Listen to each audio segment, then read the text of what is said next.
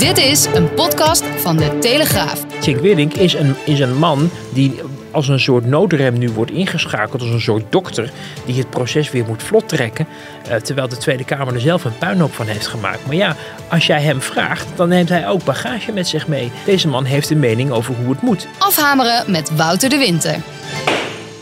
Ja, politiek commentator eh, Wouter de Winter. Daar zijn we weer eh, op deze vrijdagmiddag. We gaan het er vandaag hebben over een interview met Hugo de Jonge dat jij eh, hebt gehad. Heel interessant en boeiend ge- gesprek moet dat zijn geweest. We gaan het zo nog hebben over de Kamervoorzitters, hoe het allemaal is gegaan deze week. En we beginnen denk ik toch wel met de formatie, want dat is nu ongoing. Op het moment dat wij hier zitten is het de lunchtijd vrijdag. Ehm, de partijen, de grotere partijen, die komen vandaag langs bij, uh, bij Cenk Willink. Ja. Um, zullen we maar even beginnen met de opmerkelijke verklaring? Je stuurde hem ook vanochtend uh, door. Ja, de verklaring van Cenk Willink, um, die uh, na zijn zegenrijke werk ook uh, graag de kranten mag lezen. En ja. uh, kennelijk een verkeerde duiding terugzag in, in, in de media. Ik weet niet precies welke dat dan precies waren. Maar het gaat erom dat um, in enkele artikelen in de media wordt de conclusie getrokken dat Rutte geen belemmering is voor de formatie. Maar die conclusie kan de informateur niet tot de zijne rekenen zolang het tweede deel van zijn opdracht niet is uitgevoerd te onderzoeken of en zo ja onder welke voorwaarden er voldoende vertrouwen tussen partijen bestaat of uh, weer kan ontstaan. Hij heeft natuurlijk een persconferentie uh, gegeven woensdagavond na de verkiezing van de voorzitter. Um, en uitleg gegeven over um, nou ja, hoe hij de afgelopen week ja. ook heeft beschouwd. Zullen we met jou wel vinden heel even dat fragmentje waar het uh, zich toch een beetje om, uh, om draait even laten horen? Er is geen enkele persoon genoemd in mijn opdracht. Er wordt gesproken over vertrouwen van partijen.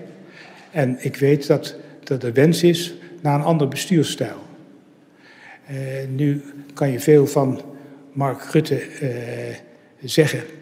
Uh, maar dat hij de enige zou zijn uh, die uh, de, deze bestuursstijl die men wil doorbreken draagt, lijkt me wat overdreven. Ja, dat is een detail daaruit inderdaad. Maar, ja. maar wel, wel, wel op zich wat hij zegt is, of, of, die verklaring die de deur uitgaat, ehm, dat klopt bij de woorden die hij uitspreekt. Ik had zelf niet de conclusie getrokken dat hij geen belemmeringen voor Rutte zag. Ik had meer uh, de conclusie getrokken dat hij partijen die menen uh, de huidige bestuurstijl te moeten plakken op uitsluitend Mark Rutte en hem daardoor als een blokkade omschrijven, dat die um, partijen een beetje hypocriet en met boter op hun hoofd praten, omdat er natuurlijk meer partijen de afgelopen ja. jaren hebben geregeerd. En, en hij noemde in die persconferentie zelfs ook nog het coalitieoverleg, als ik me niet vergis. Um, dat leek mij meer een kleine sneer richting Gert-Jan Segers van de ChristenUnie, die natuurlijk de afgelopen 3,5 jaar ook elke maandag op het ministerie van Volksgezondheid met de top van de coalitie aanschoof om de onderlinge horloges gelijk te zetten. Um, dus zo heb ik dat geïnterpreteerd. En hij heeft kennelijk in media ontwaard dat dat werd uh, geïnterpreteerd dat, dat um, Cenk Willink Rutte al heeft goedgekeurd. Maar natuurlijk, dat hangt af van de gesprekken die er ja. nu en gisteren hebben plaatsgevonden. Waarvan je ook zag dat bij de bijvoorbeeld een aantal kleine partijen er eigenlijk gelijk op Rutte werd gehamerd. Terwijl Cenk Willink in zijn, in zijn persconferentie juist had aangegeven van we moeten uh, eigenlijk via andere lijnen gaan verkennen hoe er kan worden samengewerkt tot voordat we gelijk gaan praten over het poppetje mm -hmm. of wie er dan wel of niet ja. verantwoordelijk is voor wat. Ja, want die fout die is eerder al gemaakt ja. hè? Bij, ja, de, dat, bij de oude verkenners. Dat, dat ging, ja, maar dat zeker. Maar je zag ook in de, in de statements na afloop van de gesprekken die een aantal kleine partijen had met, uh, met, met Cenk Willink, dat gelijk weer werd gezegd: het moet zonder Rutte, het moet zonder Rutte, het moet zonder Rutte. Ja, en uh, ja 21, uh, Joost Eertmans, die kwam naar buiten en die was ook meteen ja, toch niet helemaal amused, want hij wilde dat alle gespreksverslagen openbaar zouden worden. Jake Willings zei, ja, ik wil ook in vertrouwelijkheid uh, ja. uh, kunnen praten. Ja, en dat is, dat, ik snap wel dat, dat meneer Eertmans dat zegt. Want hij heeft daar een motie voor aangenomen gekregen ja. in de Kamer. En wat doet Cenk Willink op ongeveer zijn eerste... Uh, na, nadat hij gevraagd is door de, door de Kamer in die persconferentie... zegt hij ja, maar ik ga ook niet alles opschrijven. En ik ga, vind ook dat er ruimte moet zijn om adieu één op één van gedachten te wisselen en vertrouwelijkheden uit te wisselen zonder dat het allemaal genotuleerd wordt. En uh, dat onthoud ik dan wel en zo. En dat is natuurlijk wel een beetje zoals um, ja, in er, elke organisatie met elkaar ook overlegd wordt. He, niet altijd is alles onderwerkerd, niet altijd wordt alles ehm, eh, vindt in een vergadering plaats waarin alles wordt genotuleerd. Maar je kan elkaar ook op andere plekken en informeel treffen om, om, om ja, soms um, zielenroerselen met elkaar te delen. Uh, en ja, dat is natuurlijk wel in contradictie met um, datgene wat die motie van Eertmans uh, um, veronderstelt. Alleen, ja, kijk, Cenk Willink die doet dat vanuit zijn um, jarenlange ervaring. ook achter de schermen als voorzitter van de, van de Senaat, als vicepresident van de Raad van State. hij is nu minister van Staat. Hij kent dat formatiespel als weinig anderen. En dit is eigenlijk wat de Tweede Kamer over zichzelf heeft afgeroepen natuurlijk. Hè? Jack ja. Willink is een, is een man die als een soort noodrem nu wordt ingeschakeld, als een soort dokter, die het proces weer moet vlot trekken. Uh, terwijl de Tweede Kamer er zelf een puinhoop van heeft gemaakt. Maar ja, als jij hem vraagt, dan neemt hij ook bagage met zich mee. Hij schrijft boeken over het bestuur in Nederland. Hij geeft interviews. Hij was bij Buitenhof, in radio, uh, ingezonden stuk week van wat. Deze man heeft een mening over hoe het moet. En als hij zegt ook van ja, als, als we. Um, als jullie mij vragen, dan dan neem ik ook mee eh, de, de visie zoals ik er tegenaan kijk. Dat zag je bij de vorige formatie ook. Een heel epistel over hoe hij waarschuwde over um, die kloof tussen burger en overheid. Waarvan iedereen nu zegt, kijk, hij heeft in 2017 al voor gewaarschuwd. En kijk eens hoe het is misgegaan. Dus hij neemt dat mee. En dan laat zich er niet zoveel aan gelegen liggen wat individuele Kamerleden er allemaal van vinden. Want ja, ze hebben hem zelf gevraagd. Maar eerst nog even over dat hypocriet en uh, boter op hun hoofd. Dan had je het over de ChristenUnie, maar ik neem aan ook uh, D66. Want die zaten natuurlijk ook, en het CDA dan ook, die zaten ook bij die coalitieoverleggen. Zeker, zeker. Maar ja, het, dat, dat, het woord hypocrisie dringt zich natuurlijk wel een beetje op na de afgelopen weken uh, met D66. Uh, we hebben natuurlijk vorige week al uitgebreid teruggeblikt op dat toen hele heftige debat wat er is geweest. Maar toen was het echt nog de day after het debat. Hè? Dat Precies. was de opname vorige week met Kamman. Zat de emotie er nog in. Nu kunnen we misschien iets meer beschouwen een week later. We hebben natuurlijk ook op de dinsdag weer alle fractieleiders gehad bij Gadisha Ariep. Er is natuurlijk een debat overheen gegaan. Ja, ja en, en nog steeds de vraag die mensen afstelt. Waar, waarom um, had D66 zulke zware woorden en zulke veroordelingen voor Mark Rutte in petto als bijvoorbeeld de Kajsa Ollongren, die niet alleen de veroorzaker is van deze hele puinhoop, maar ook nog eens uh, uh, loog tegen de Kamer in de brief. Uh, dat die helemaal geen blaam lijkt te treffen. Nee. En dan zeg, wordt er wel gezegd, ja, we hebben ook in onze afkeuring hebben ja, we afkeuringen uitgesproken over het hele proces. Maar ja, ze is nog steeds minister. En ja, wie weet wat ze, wat ze allemaal niet, wel niet met haar van plan zijn bij die partij de komende jaren. Dus Um, de hypocrisie druipt daar wel van af. Uh, alleen hè, wat we natuurlijk vorige week al een beetje konden vaststellen en wat we nu wel echt kunnen concluderen is dat uh, de behoefte uh, die gevoeld werd om Mark Rutte af te zetten en die we uh, bij de verkiezingen hebben gezien, maar die niet werd waargemaakt omdat uiteindelijk Mark Rutte de verkiezingen won, werd in dat debat min of meer uh, nog steeds doorgevoerd. En een, bijna een beetje, ik heb het vorige week staatsgreep uh, genoemd, uh, chargerend. Maar een koep is misschien een betere, misschien is het eigenlijk hetzelfde, maar het klinkt wat, wat? wat, wat minder heftig als een staatsgreep. Want dan denk je dat de koning daar ook mee te maken heeft of zo. Maar dit was een koep voor het leiderschap van de VVD, van Nederland, van het premierschap of wat dan ook. En die is mislukt. En nu moet men de scherven weer bij elkaar vegen. En dat probeert men dan tussen D66 en VVD ja. en CDA. En er gaat allemaal tijd overheen. Uh, maar dat is wel de situatie waarin we zitten. Alleen, ja, Cenk Willing kan nog niet die conclusie uh, Maar in hoeverre was het sorry omdat dat hij nogal ja. die gesprekken moet afronden. Ja, sorry dat ik onderbreek. Ik sla toch aan op dat woord koep, uh, wat jij noemt. Want als, als er een koep is, dan, dan heb je een doel voor ogen wat, wat, wat misschien reëel is. Ja, misschien ook niet. Maar feit blijft dat VVD gewoon met afstand de grootste partij ja. van Nederland is. Dus, dus het is bij voorbaat al een kansloze koep dan, toch? Nou ja, wat men probeerde in dat debat, van al die emotie en dat nieuwe momentum wat ineens ontstond vanwege het feit dat nou ja, toch heel duidelijk werd dat hij uh, dingen had verteld die niet waar bleken. Uh, ja. Kijkend naar het verslag van, of de verslagen en notulen van die gesprekken.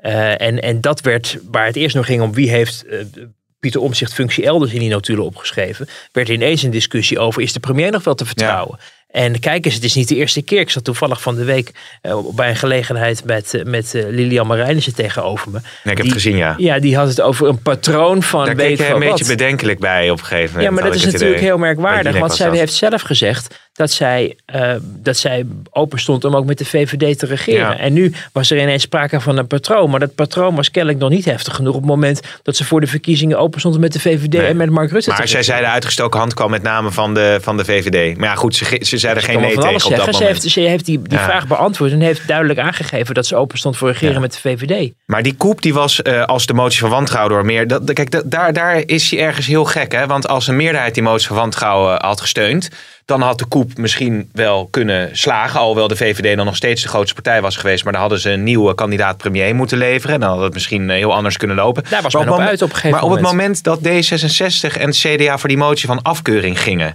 Dan is de conclusie toch dat die koep dan uiteindelijk uh, bijna niet meer kan slagen. Want dan zit je, dus dat vond ik zo raar toen we dinsdag weer allemaal naar Den Haag gingen. Dan zit je gewoon met een situatie van ja, de, de, de grootste partij uh, wil gewoon ook dat Rutte de leider blijft.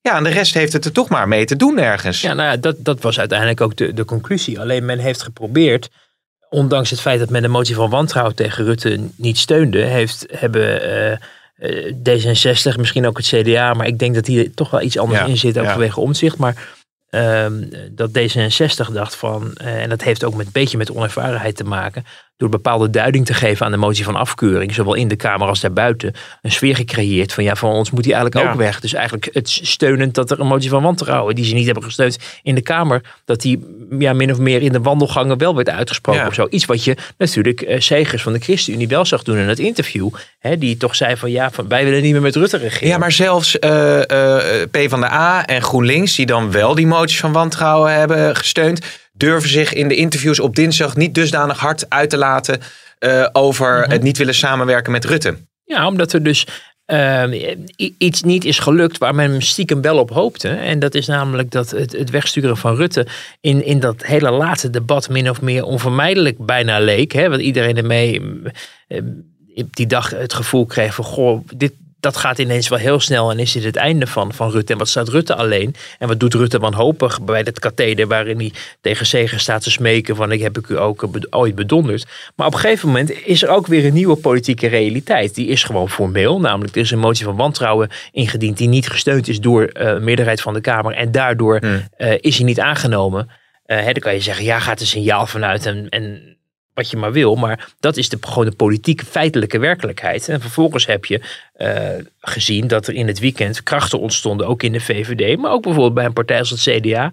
En ik maak me er sterk voor ook wel bij mensen die niet op de VVD hebben gestemd, maar ook wel bepaalde ideeën hebben over uh, premier Rutte en het leiderschap van Rutte en de stand van het land en het belang van een stabiele regering.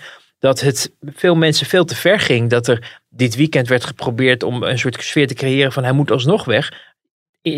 Sterker nog, er ontstond een sfeer onder VVD-prominenten, maar bijvoorbeeld ook bij ons in de krant met CDA-prominenten. Ook bijvoorbeeld de voorzitter van de senaatsfractie in de, in de Eerste Kamer van het CDA. Die zeiden, ho eens even, zo snel gaat dat niet.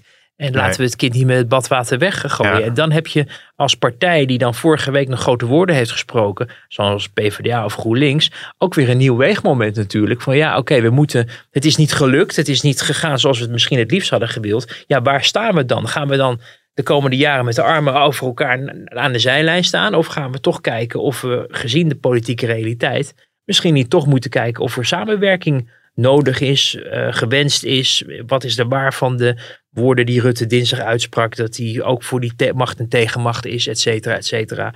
En daarom zie je nu die PvdA en, en, en ook groen, en vooral, vooral GroenLinks uh, voorbehouden maken van ik zie het nu niet gebeuren. Ik zie het heel moeilijk, maar er wordt niet gezegd ja, nee, dat, dat zoals hele, Segers heet. Dat zijn hele geestige interviews uh, ergens uh, om een harde uitspraak te ontlokken die je dan uiteindelijk toch niet krijgt. Maar goed, als die partijen dus wel voet bij stuk zouden hebben gehouden zoals Segers dan was er misschien een werkelijke ontstaan waarin je met zeven partijen een, uh, een coalitie moet gaan vormen.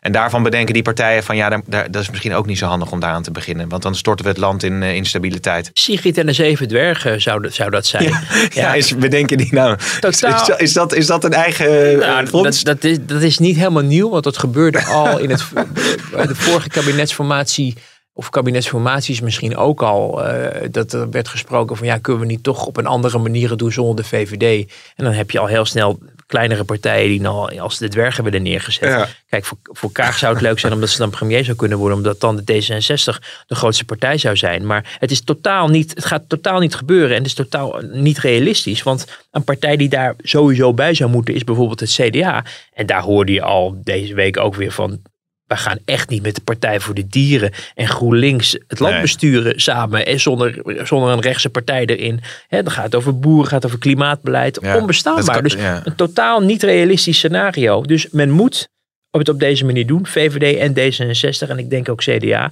En misschien in een, als het niet met een meerderheid eh, lukt, dan een minderheid. Ja, mooi hè, dat nieuw leiderschap. ja. Het is echt, uh, het is echt, uh, echt, echt prachtig hoe de politiek is opgefrist. En hoe het allemaal transparant gaat.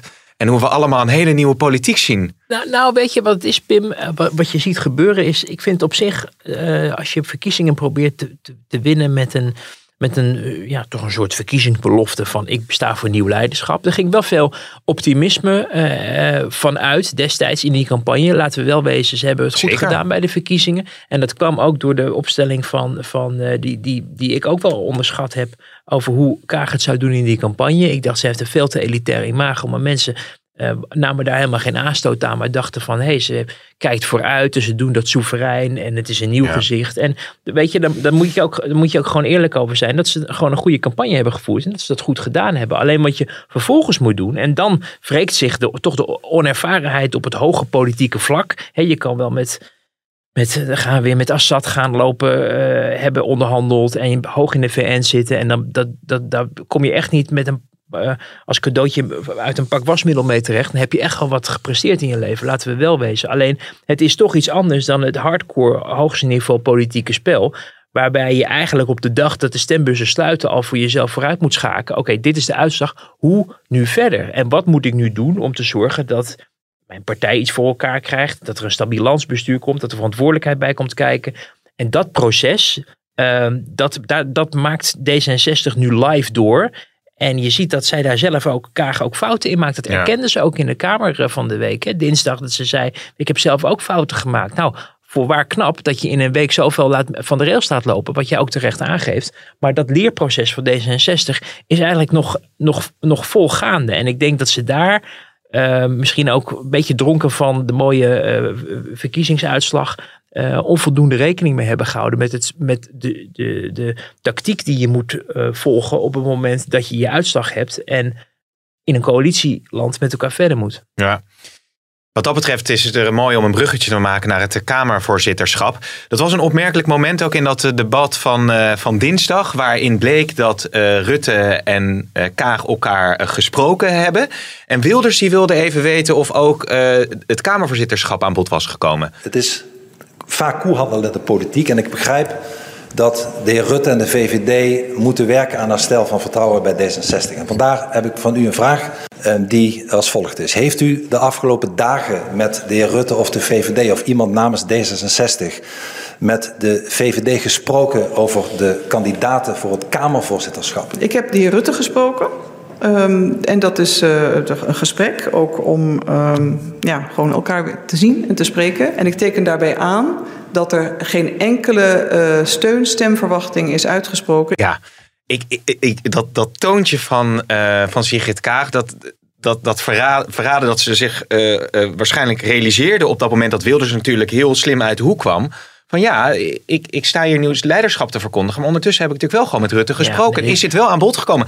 En dat is nou precies waar de Tweede Kamer zich zo over opwindt in deze periode. Ja, en hier, hier, hier zie je dus, uh, met alle respect voor, voor het eerdere werk van Sigrid Kaag, maar hier zie je gewoon de politieke onervarenheid zij stinkt er gewoon prachtig in bij Wilders. He, je kan daar politiek kan je er allerlei ja. uitvluchten. Zeg, ik spreek met iedereen. Is dat wat Rutte bijvoorbeeld zei? He, ja, ik spreek allemaal fractieleiders. Gert-Jan Segers bijvoorbeeld. Ha, ha, ha, ha. Toen die vertelde, ik wil niet een beetje samenwerken. Maar zij gaat, je ziet haar ik heb, we hebben een gesprek gehad, dus uh, dat was een gesprek. Dan denk je, oh, die is, die is naar woorden. ja, die is aan het denken tijdens het praten. Je, ja. je, hoort de radar, ja. hoor, je, hoor, je, hoor je kraken daar binnen, uh, achter die grote bril. En, en nou ja, dat, dat, uh, dat vind ik dan wel weer vermakelijk. Maar dan laat ze zich toch in de kaarten kijken. En, en omdat ze er ook niet helemaal eerlijk over is wat er dan precies aan de orde kwam en hoe dat dan gaat, nee, want, ja. biedt ze ruimte voor Wilders en voor allemaal mensen die zitten te ook, kijken. Hè? Ook Ja. voor Ploemen, maar goed, het was hè, Khadija Arif natuurlijk, Ja. kandidaat van de PvdA. Maar voor, voor de toeschouwers denk je, hé, hey, daar is iets gebeurd. Hè? Daar, is, daar is over gesproken. En dan ontkent zij dat. Maar ja, laten we wel wezen, je gaat niet, waarom zou je, waarom zou je als je het niet belangrijk vindt wat de VVD gaat stemmen, Ja. waarom zou je het dan überhaupt met de VVD bespreken? Want eh, Ronald Plassek die schreef ook in zijn eh, column vandaag van je hoeft het eigenlijk er helemaal niet over, lang over te hebben. Op het moment dat je bijvoorbeeld van de VVD hoort van nou wij hebben geen kandidaat, dan weet je eigenlijk al genoeg.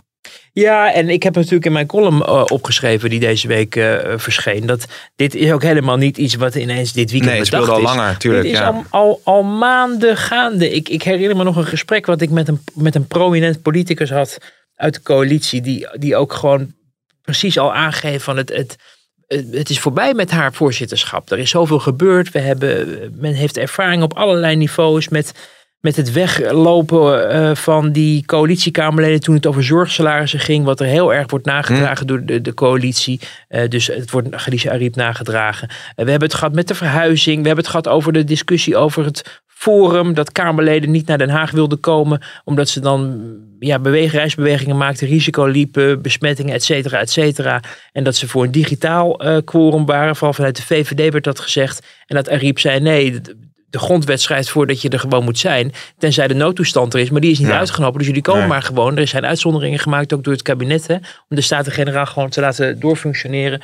En dat heeft zoveel spanning opgeleverd. Dat al maanden van tevoren dit hele spel op de wagen was om haar af te zetten. En dat het niet een kwestie van of ze zou worden afgezet. Maar door wie precies. Welke partij zou met een kandidaat komen. En we zagen in de notulen. Die zi- zijn eh, bekend geworden na die verkenningsoperatie. Dat de VVD heeft aangegeven. Wij zijn niet aan de beurt. Want Nee. we hebben de Senaat al. We hebben het premierschap al. En we laten deze even aan ons voorbij gaan. Nou, dan kom je, te, kom je uit bij, bij CDA of D66. Nou, ging de naam van Raymond Knops nog wel eens rond. Hè, van de, de, de, de, die ook op de lijst van de Tweede Kamer stond voor het CDA en nu de huidige staatssecretaris is. Maar veel duidelijker zoomde al de naam van Vera Bergkamp eh, rond. Niet dit weekend pas, al weken, al maanden. En die zat ook in het presidium en nou, dat ging ook niet altijd van harte. Dus dit was al heel erg lang, eh, wa- was dit duidelijk. Alleen in de laatste dagen voor die verkiezing moest nog duidelijk worden, ja, wie gaat het dan precies doen? Maar niet, er was geen vraag meer of de oude afspraak om Ariep af te zetten, of die niet gestand Nee, zou worden gedaan. Totdat natuurlijk vorige week een ruzie uitbrak tussen VVD en D66. En VVD dacht van, nou ja, als jullie zo met onze mensen omgaan, dan kunnen we ook wel met, Ja. zo Ja. met, met die van jullie omgaan. Nou ja, en en dus- dat is in dat gesprek, wat er is, is gevolgd na die hele impasse, hè, de bezinningsoperatie. En dat, dat Kaag en Rutte met elkaar contact hadden. Toen zijn de, de gemoederen weer een beetje tot bedaren gekomen. Mhm. En een gebaar daaruit volgt dan. Dan de VVD denkt, oké, we gaan ook niet de dingen verder op de spits drijven. Want de VVD kan natuurlijk heel makkelijk een gebaar van goede wil tonen. Door wel voor de D66-kandidaat te gaan. En tegelijkertijd het, voor het al eerder bedachte plan, namelijk Khadija Ariep weg te sturen, Ja. gestand doen. Ja. Dus dat was voor de VVD min of meer een win-win situatie. Nee, maar dat is allemaal hartstikke logisch zoals je dat vertelt. Maar als, als eh, het, het, het, het mantra, het credo, noem het maar, nieuw leiderschap is. Kijk, wat, wat volgens mij met die Kamervoorzitter eh, zo ingewikkeld is, is dat. Want jij hebt het over het interne eh, deel bij Ariep, de kritiek die er ook vanuit eh, Kamerleden is. En je hebt natuurlijk het externe plaatje. Ja. De gemiddelde Nederlander, Ja. die vond Ariep een fantastische voorzitter. Ze had humor, ze was scherp. Ze, ze, ze, ze had natuurlijk ook met, met, met haar afkomst en hoe ze zich ontwikkeld was, sprak misschien ook een heel groot deel van Nederland En aan. vaak aangehaald ook hè, door, parti- door partijen van allerlei achtergrond van een toonbeeld van het, eigenlijk het, het Nederlandse succesverhaal. Ja, doctoraat of eh, be- be- be- beloond daarvoor, hè, doctoraten gehaald. Ik weet niet precies wat, ja, nou, wat dat waard is. Als het, als, het, als, het niet, als het niet Ariep is die op het schild wordt gehezen om kijk eens wat zij heeft bereikt, dan is het Abu Talib wel de burgemeester van Rotterdam. En Ja. dat doet, doet partijen van links tot rechts, van onder tot boven.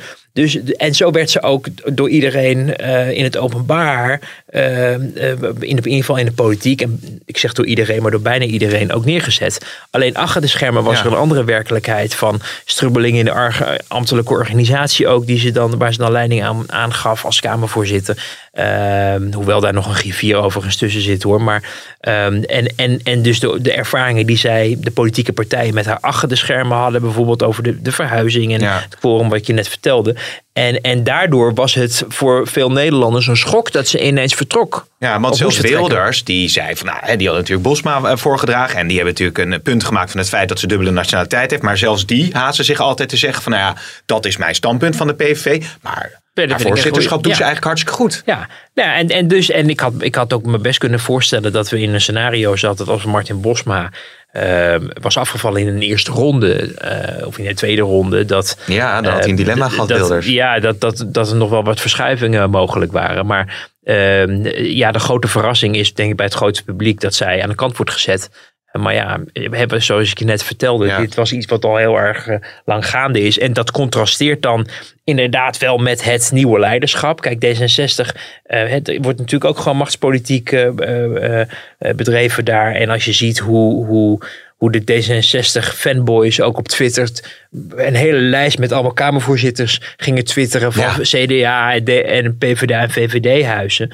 En dan ineens eentje van D66. Dan geeft het aan dat ook D66 totaal niet vies is van, eh, van macht. En het, en, en het bedrijven van, van, van politiek om die macht te verwerven. Ja. En nou ja, dat is in feite ook wat er gebeurd is.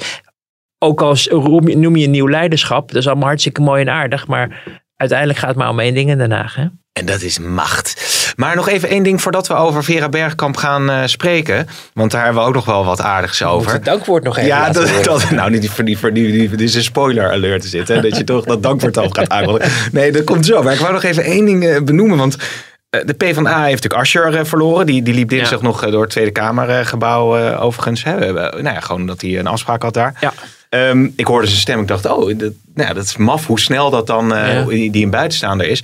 Ehm Khadija Ariep, ook natuurlijk echt een gezicht van de PvdA. Ja. Dus die zijn twee kanonnen Kanonnen, ja. zijn die even in korte tijd verloren, zeg. Ja. natuurlijk blijft Ariep wel actief in de Tweede Kamer, maar, maar niet op deze manier. Ja, nou, ik, ik kan me ook heel goed voorstellen dat ook Ariep eh, op een gegeven moment iets anders gaat doen. Ze zit sinds 98 in de Kamer en eh, is natuurlijk als voorzitter ook altijd streng geweest op mensen die tussentijds vertrekken. Maar iemand die sinds 1998 in de volksvertegenwoordiging zit, nou, dan kan je moeilijk eh duiventil eh, gedrag eh, Nee. verwijten, denk ik. En, en ehm, het is natuurlijk ook allemaal heel erg pijnlijk, laten we wel wezen. Dit is, is gewoon, ze is gewoon, er is, heeft gewoon politieke afrekening plaatsgevonden en ze is aan de kant gezet. En dat, is, dat komt hard aan. Dat is verdrietig voor haar, verdrietig voor de PvdA ook. En voor de mensen die misschien niet eens PvdA stemmen, maar die er wel een warm, warm hart eh, toe eh, dragen.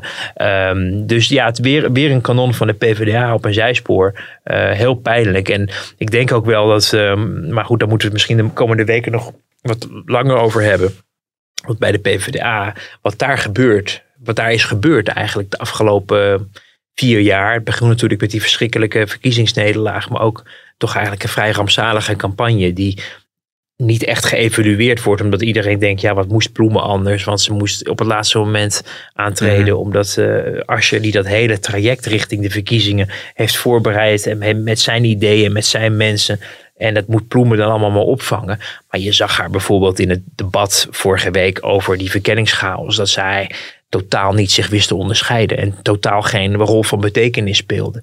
En misschien ook totaal niet zo geschikt is om in de oppositie die fractievoorzitter uit te hangen. En dat belooft weinig goeds ook voor de komende jaren, waarin de PvdA, zoals het er nu naar uitziet, heel graag weer oppositie wil bedrijven, omdat ze zo graag aan GroenLinks willen vasthouden. En GroenLinks hen straks gewoon gaat laten vallen als het er echt op aankomt. Eh, maar dat wordt het voor Ploemen heel moeilijk om het onderscheid te maken Ja. in die Kamer met die 17 partijen. Dus bij die PvdA, daar moet, daar moet echt wat gaan gebeuren. En ik zie ook niet 1, 2, 3 wat er moet gaan gebeuren. Je zou zeggen, misschien moet, je- moet je toch als je weer terugnemen, omdat hij eh, ja, eh, is in, van zijn eigen partij natuurlijk wel veel mensen in de rug heeft eh, gestoken gekregen. Een derde van de, van de, van de leden wilde kennelijk bij, van hem af. Maar nou ja, voor Ja. misschien niet helemaal representatief referendum daarover. Nee. Maar daar, de- bij die PvdA moet echt wat, wat gaan gebeuren. En het is heel onduidelijk wie daar nu eigenlijk de lakens uitdeelt. En wat de positie is van Ploemen. En of die, die, die voorzitter Nelleke Vedelaar in, in, in de eigen partij Nelleke Veder licht genoemd. Überhaupt nog wel over op voldoende draagvlak kan rekenen. Als je ziet wat daar de afgelopen maanden ook in een soort langdurig treinongeluk plaatsvindt. Ja, benieuwd ook welke Tweede Kamerleden, natuurlijk een kleine fractie, eh, eh, zich kunnen gaan onderscheiden. Daar gaan we inderdaad eh, het in de toekomst nog ongetwijfeld veel meer over hebben dan Wouter. Ja, nou, Ehm, het gaat hartstikke goed met deze podcast. We hebben heel veel uh, luisteraars. Dat Ja. is mooi. Ik moet over zeggen, tegen de mensen zeggen dat eh, als ze via bijvoorbeeld Spotify eh, eh, luisteren, kunnen ze ook zich abonneren en, en Oh. een, een recensie eh, achterlaten. Dat is Oh. altijd leuk, hè? Want dan eh, ja, gaan we zo een beetje rond. Maar eh, ja, jij wil vast wel mensen bedanken.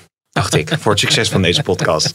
De- De floor, de floor is yours, Wouter. Ja, mijn ouders. En, en mijn, leraar op, mijn leraar Frans op school. En, en ehm, ja, ook warme woorden voor mijn personal trainer. Ja. Eh, voor de mevrouw die altijd de koffie maakt in de Tweede Kamer. Ehm, nou ja, ik, eh, misschien moeten we het even aan... Je gaat niet zo. We gaan, Laten we, we het aan Vera Bergkamp overlaten? Ja, komt ze. Dank, eh, collega's. Ik wil ook mijn eh, medekandidaten natuurlijk van harte bedanken. Ook wil ik een aantal mensen in het eh, bijzonder bedanken. Ik wil mijn vrouw bedanken. Ik wil mijn moeder bedanken. Eh, ik weet zeker als eh, mijn vader er nog geweest zou zijn... dat hij eh, eh, bijzonder trots op mij zou zijn geweest. Eh, mijn beste vriendin eh, Danielle, Alexander Pechtold, Gerard Schouw... Madeleine van Torenburg. En tot slot natuurlijk ook eh, eh, mijn fractie. Ja. Nou, ik wist niet dat de Oscars werden uitgereikt eh, in Den Inderdaad, Haag. ja. Maar het is eh, afgelopen week toch echt gebeurd. En de grote tragiek van dit dankwoord is natuurlijk wel voor Hond Bello en, en, eh, en Kat Poekie. Die natuurlijk zijn gepasseerd in hun dankwoord door onze nieuwe Kamervoorzitter. En dat is, ja, dat, dan smaakt de wiskas 's avonds hard aankomen. En de vrolijk toch een stuk minder lekker, denk ik. Maar ja, ik, ja, ik vond Ach. het... ik vond het wel een beetje, beetje potsierlijk, moet ik je zeggen. Maar dat heb je aan mijn cynisme gelukkig nog niet Ja. eh, kunnen horen. Maar, maar kijk, Tweede Kamervoorzitter en dan eh, dat je beste vriendin gaan bedanken. Dan denk ik, ja, ik ben wel even het, het gevoel voor decorum dan kwijt. Wat je eigenlijk aan het doen bent. Maar het geeft ook aan dat ze het kennelijk als een enorme mijlpaal in haar leven ziet. Waar ze kennelijk heel lang al van heeft gedroomd en voor elkaar hopen te, te krijgen. Ehm, maar ja, ik weet niet. ehm, nou ja, laat ik volgens mij heb ik Ja. al genoeg. En, eh, en eh. LHBT, LHBTI, eh, Kamervoorzitter, hè, riep uh, Rob Jetten nog op, op de, wandel, op de we weer een diversiteitsvakje rood kunnen kleuren. Ja. Of groen in dit geval. Nou, Nou goed, laten we kijken hoe ze het, hoe ze het gewoon gaat. gaat toch heerlijk in Nederland. Ja, hè? laten we kijken hoe ze het, hoe ze het gaat doen. En ze heeft gewoon verreweg het meeste stemmen binnengehaald. Zo werkt het in de politiek. Dat en is eh, waar. ze mag het eh, En waar gaan maken als eh, voorzitter. Want, ik bedoel, en dat, dat, dat is wel, eh, ze verdient gewoon een eerlijke kans. Ze heeft de, de, de verkiezingen eerlijk gewoon gewonnen. Nog wel even met de vermelding dat ze toch echt allemaal op eigen kracht had gered. Dat deed mij wel een beetje denken aan die, die baas of die manager die zegt: Ik ben de baas. Meestal niet een aanbeveling om zelf te moeten duidelijk maken dat je iets zelf Ja. hebt eh, gered. Maar goed, laten we hopen dat, het, dat, het, eh, dat, dat ze het goed gaat doen. En dat ze orde weet te houden. En een mooi visitekaartje is voor ons parlement. En dat wordt nog een uitdaging met 17 eh, partijen. Dus ja, veel sterkte daar, daarvoor vanuit deze podcast afhameren. Want daar zijn we dan ook alweer. En dan moeten we het natuurlijk nog even over Hugo de Jonge hebben. Want Ja. jij hebt een interview met hem gedaan. Ja. samen met Niels Richter, collega. Vond ik een, ehm, een, eh, ja, een, een, erg mooi eh, interview. eh, met toch wel weer opmerkelijke dingen. Nou, duid zelf even hoe jij vond dat hij eruit is gekomen. Ja, weet wat je wat ik, was. eh, wat ik vond, eh, eh, Pim, de afgelopen weken is er heel erg veel kritiek weer geweest op, eh, op, op, op wat er allemaal misgaat. Eh, die vaccins, eh, iedereen zit op die vaccins te wachten. Eh, de strategie daarover. Ja, je, je hebt, we hebben zelf, we zijn natuurlijk jonge mensen. Wij zijn zelf niet aan de beurt momenteel om een vaccin te krijgen. Maar bij ons borrelt het natuurlijk wel van laat ons dat, dat ding krijgen. Laat ons normale leven weer leiden. Laat ons in vredesnaam op vakantie kunnen. Want daar verlangen we natuurlijk met z'n allen naar. Eh, maar omdat je, die, je, je leest berichten, je hoort berichten. Je ziet mensen op televisie verschijnen met meningen erover die uit de medische wereld komen. Waarbij je veronderstelt als leek, nou ja, die zullen het wel weten, want die zitten in het OMT. Of die bellen met de minister Hmm. of, of met Jaap van Dissel of wat dan ook. En die geven een duiding van de gang van zaken die weinig optimistisch maakt. Hè? Dat er, eh, wordt dan door Kuipers al een hele lange tijd gezegd... iedereen moet één prik en die tweede zien we wel weer. Want eh, nu is het alle hens aan dek. Je hoort Diederik Gommers op, bij Bo verklaren... eh, dat hij het idee heeft dat de minister... eh, dus minister De Jonge en de, en de GGD zich niet realiseren dat het crisis Nou, is. ja. En daardoor werd ik wel getriggerd hoor. Want Ja. toen dacht ik wel bij mezelf. eh, bedoel, het is prachtig dat je verstand hebt van IC-bedden. Maar dat je de minister van Volksgezondheid en de GGD. En daarmee eigenlijk ook alle mensen die voor die mensen werken. Want het, Zich het snot voor de ogen eh, werken, hè, zei ja, de jongen de- daarover. De, minister is een symbool. En, en, en, en de GGD als instituut is ook een symbool. Maar er zijn een heleboel mensen die soms ook met gevaar voor hun eigen gezondheid, zeker in de begintijd, Ja, ja. ontzettend hun best doen. En daarbij daar begon het bij mij wel een beetje te knagen. Dat ik dacht, ja, weet je, ik zie wel en ik hoor ook wel dingen. En ik ben ook gefrustreerd over zaken. Maar hoe ver is dit nog? Om, om op deze manier ehm, ehm, de duiding te geven waar Peter R. de Vries, die toevallig in de studio zat, toch gelijk. Ja, het is toch onbegrijpelijk dat dit gebeurt. En je zag gelijk zo'n sfeer. Dat ik dacht, ja, is het, zou het waar zijn? Je weet het niet. Dus ik dacht, we gaan maar eens met Hugo de Jonge praten voor een interview. En hem zijn kant van het verhaal laten vertellen. En dat proberen te doen. En hem ook confronteren met, met, met de realiteit. En met al zijn eerdere eh, beloftes ook. Over we trekken het been bij. En we, eh, het is geen wedstrijd. En we lopen nu achter. Maar straks komt het goed. Maar ja, dan zie je weer een staartje voorbij komen Ja. van de week. Denk je, het gaat nog steeds niet goed. Nou, we hebben daar met hem over gesproken. Eh, hij heeft daar wat dingen over gezegd. En nou ja, ik denk dat hij in ieder geval wel een, een verre kans heeft gekregen om, om het Mm. uit te leggen. Maar ook wel ons een, een kijkje geeft in de keuken van de afwegingen en hoe moeilijk het is. En sommige vragen blijven ook met zijn antwoorden, vind ik nog steeds onbevredigd beantwoord. Hè? Als het eh, gaat om, om, om zaken van eh, ja, hoe het toch komt dat eh, eh, we nu ineens weer praten over versoepelingen. Terwijl hebben we uit die ziekenhuizen zorg horen. En dan zegt hij ja, maar we kunnen ook niet altijd alles eeuwig op slot laten. En mensen lijden meer onder eh, de maatregelen langzamerhand dan onder het virus. Dat je denkt, nou, dat is ook niet iets wat we gisteren hebben Nee. uitgevonden. Dus nou, hij geeft daar zijn verklaring dan voor. De lezer mag natuurlijk uitmaken wat ze van die verklaring vinden. Maar ik vond het, eh, nou, ik vond het wel interessant om, om ook eens even wat langer van hem te horen. Van hoe kijkt hij nou tegenaan hoe het gaat? Gaat het inderdaad beter? Gaat het slechter? En wat is het perspectief voor de komende tijd? Twee elementen die mij wel opvielen. Je- Ik, ik kan er niks aan doen, maar als je dan zo'n interview leest met Hugo de Jonge. Of, je- of je, kijkt, je kijkt een interview, dan vraag je je altijd of komt er een, een, een uitspraak. waarvan je denkt van oeh, ik ben benieuwd of dat ook daadwerkelijk zo gaat lopen. Dat is natuurlijk in het verleden wel een paar keer eh, voorgekomen. Hij had het nu over de zomervakantie. Ja. En toen zei hij dus van nou kunnen mensen op zomervakantie? Dat is een hele reële vraag. En zijn inschatting is ja. En toen dacht ik dus meteen, nou Boris Johnson heeft volgens mij net aan de andere kant van de Noordzee gezegd van nou Britten, reken je nog niet rijk. Want het is nog maar de vraag of dat allemaal kan. Want je bent natuurlijk ook afhankelijk van hoe andere landen eh, erin staan. Of Frankrijk zijn grenzen opengooit of Spanje zijn open grenzen gooit. Ik zou kunnen zeggen, ik kan altijd wel op zomervakantie ergens zijn. Maar ik vond dat al, ik vond het wel een uitspraak van ik dacht van ja, Ja. straks valt het over, over eh, twee weken weer tegen. Nu denken misschien reisorganisaties van, oh nou, de jongen die eh, maakt die inschatting. Nou ja, hij geeft in ieder geval aan dat er in mei een, een, een nieuw reisadvies komt. En ook met een kijkje naar buiten Europa. Want ik schat ook wel in, en dat hoor je ook. eh, wie was het nou? Was het van van Dissel? Ik geloof. Osterhaus, die ook wel zei van ja, ehm, eh, nu zit Osterhaus niet in het OMT of zo. Maar ehm, met educated guess en de vaccinaties en het feit dat, en daar is natuurlijk aan gehangen dat eh, de jongen verwacht dat iedereen die ehm, in aanmerking komt voor, voor geprikt worden, begin juli geprikt is. En twee derde zelfs al volledig beschermd Ja. is. Nou ja, Ja. met die realiteit eh, kan je iets, denk ik, realistischer ook veronderstellen hoe het in de, in de zomervakantie Ja. gaat lopen. Als je het vergelijkt met vorig jaar, hadden we geen vaccinaties. Dat virus werd om wonder, om denk toch temperatuur en wonderlijke redenen toch wat teruggedrongen, waardoor we die vrijheid hadden. Nou, als je het is weinig reden om aan te nemen dat dat nu niet per se zou gebeuren. Nee. En dan in combinatie met het feit dat mensen heel veel miljoenen Nederlanders natuurlijk corona hebben gehad en dus enigszins beschermd zijn of eh, in ieder geval voor zichzelf. En tegelijkertijd de combinatie met die vaccins. En dat legt hij ook in het interview uit. Dat je daardoor wel een wat realistischer inschatting kan geven. Ja. Dan je bijvoorbeeld eh, deed eh, richting december. Toen we maar moesten hopen dat ehm, we nog met de kerst iets konden doen. Wat toen ook helemaal niet Ja. gebeurde.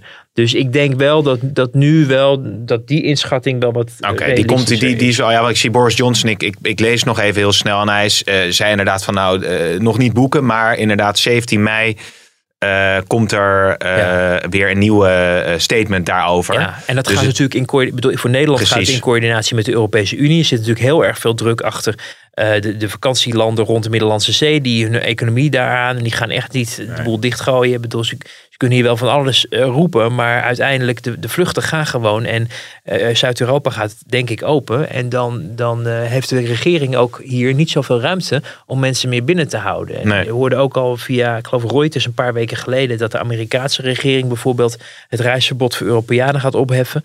Uh, dus je ziet allerlei bewegingen Ja. ook in de wereld. En dan kan een, een land als Nederland niet in zijn eentje ook maar Nee. roepen van oh. eh, Maar ze, en ze zitten natuurlijk allemaal aan elkaar vast. En waarschijnlijk was het ook vanuit Johnson ingegeven dat natuurlijk maatregelen worden versoepeld. Dat waarschijnlijk alle. de- Want Britten reizen graag. Hè? Eh, Las ik ergens. Die, of het nou naar Amsterdam is. Nederlanders eh, gelukkig niet. Nee, Nederlanders die je helemaal niet. ergens Nee, precies. Maar goed, oké, dat besproken. Het andere punt wat ik, wat ik nog wilde aanhalen, en daarmee is de cirkel misschien wel weer mooi rond in Ja. deze podcast, is dat jij eh, toch hebt gevraagd met Niels over eh, Rutte. Ja, Wat Niels het- Richter, moet even zeggen. Niels Richter. interview met, samen met Niels ja, Richter ja, precies.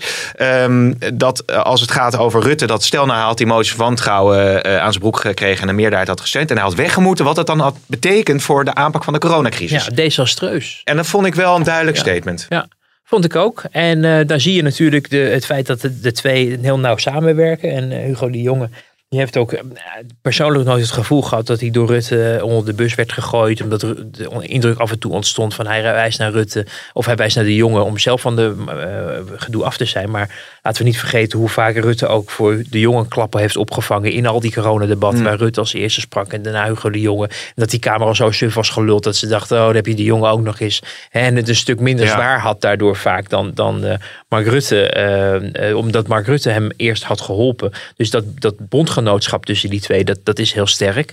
En dat hoor je ook wel in zo'n uitspraken terug. Maar ja, ook wel achter de schermen klinkt dat, dat, dat de crisismanager Rutte, even los van de hele bestuurscultuur, waar, waar natuurlijk denk, terecht ook vragen over worden gesteld, zeker na 10,5 jaar het landsbestuur eh, leiden. Eh, maar dat er dus ook nog wel dingen zijn die Rutte kennelijk goed doet. En, en dat die aspecten wel heel, zijn, heel erg zijn ondergesneeuwd, ook de afgelopen twee weken. Hmm. En, en die waren voor de afgelopen twee weken juist niet ondergesneeuwd. Hè, want toen had hij de verkiezingen gewonnen. En toen bleek daar een enorm vertrouwens, eh, vertrouwen uit aan, van een groot deel van de Nederlanders. Ehm, maar dat je dus ook persoonlijk, wel bij de jongen, en niet alleen bij de jongen, maar ook bij, bij, bij andere eh hooggeplaatste politici hoort van. We hebben Rutte in ieder geval nog voor die crisis nodig. Om Ja. dit in goede banen te blijven leiden samen met de jongen. En dan op een gegeven moment, als dat niet meer zo is. En dat is ook denk ik het moment dat ze. ehm, dat de populariteit van Rutte niet per se meer eh, heel hoog blijft. Hè? Want dan is ook die crisissfeer waar hij nu zoveel ook aan te danken heeft. Waar hij hard werkt, maar waar hij ook veel eh, ja, electoraal voordeel mee kreeg. Ook met verkiezingen. Dat dat gaat afnemen. Maar dat laat onverlet dat, er, dat hij dat misschien niet voor niks krijgt. Maar dat hij ook nog wel iets doet achter de schermen. Wat heel erg goed Ja. is voor het land. En jij zei nog eh, vorige week in de podcast dat eh, het fascinerend was om te zien dat bijvoorbeeld Hoekstra en Kaag af en toe naar buiten liepen. En dan gingen ze telefoneren en dan vroeg je af met wie. En toen dacht ik toen ik dat las, zou Hoekstra dan misschien met Hugo de Jonge ook hebben gesproken? En dat ze misschien dat, dat, dat, dat, dat besef van nou, dat daarom het CDA voor die motie van afkeuring is eh, is- gegaan. Nou, het zou, niet, het zou best kunnen zijn, want je, je merkt wel in het interview wat wij met de jongen hadden, dat de jongen daar wel met, met kromme tenen naar heeft zitten kijken. Hij zegt daar zelf heel diplomatieke dingen over in het interview. Maar je merkte wel dat hij eh er wel echt grote moeite mee had hoe daar eh, met elkaar werd omgegaan. En met elkaar was dan in dit geval natuurlijk vooral de minister-president. Want die was degene die onder vuur lag, hè, de VVD-leider eh, Rutte. Ehm, dus, dus ik kan me wel voorstellen, ik weet niet of Hugo de Jonge dan... ehm, Of dat het moment is. uit- Nee, ja, nee, uit, uit, de zaal belt, maar een, een, een, een appje van hou- houden jullie wel elkaar wel heel of zo. Ja. eh, zou, zou geen overbodige luxe zijn. Hoewel natuurlijk ook die jongen weet dat Hoekstra in een hele lastige positie zat vanwege Pieter Omtzigt natuurlijk. En dat Ja. is iets wat, en dat, maar goed, dat zullen we in de komende weken ongetwijfeld nog gaan bespreken. Dat het CDA voor deze formatie ook veel meer tijd nodig heeft dan de drie weken waar Jane Willink nu mee bezig is om de boel, boel een beetje tot bedaren te brengen. Hè? Als je ziet dat Omtzigt en zijn vrouw, die min of meer naast, namens hem lijkt te spreken Ja. op Twitter, hard is over Rutte. eh, en hoe het toch onmogelijk is dat hij nog maar gewoon door kon gaan. En tegelijkertijd zie je CDA-prominenten, waaronder de voorzitter van de senaatsfractie, zeggen van ho eens even rustig aan met Rutte. Geeft aan dat Hoekstra in een hele lastige Ja, positie zit. ja. Zie die kampen maar eens te verenigen met elkaar. Dus daar gaan we de komende tijd... Ze, ze proberen de luiken dicht te houden. Maar het geeft ook wel aan, en je merkt ook aan de woorden van, van eh, Hugo de Jong in het interview... dat in het CDA gewoon echt niet iedereen het eens is met de manier waarop Pieter op zich in het leven Ja. staat in de zaken. Ja, heel wat eh, scherven te lijmen, in te masseren. Wordt allemaal vervolgd en gaan we allemaal bespreken in, eh, in de volgende afhamers die gaan komen. Wouter, eh, dank voor nu. Tot volgende week.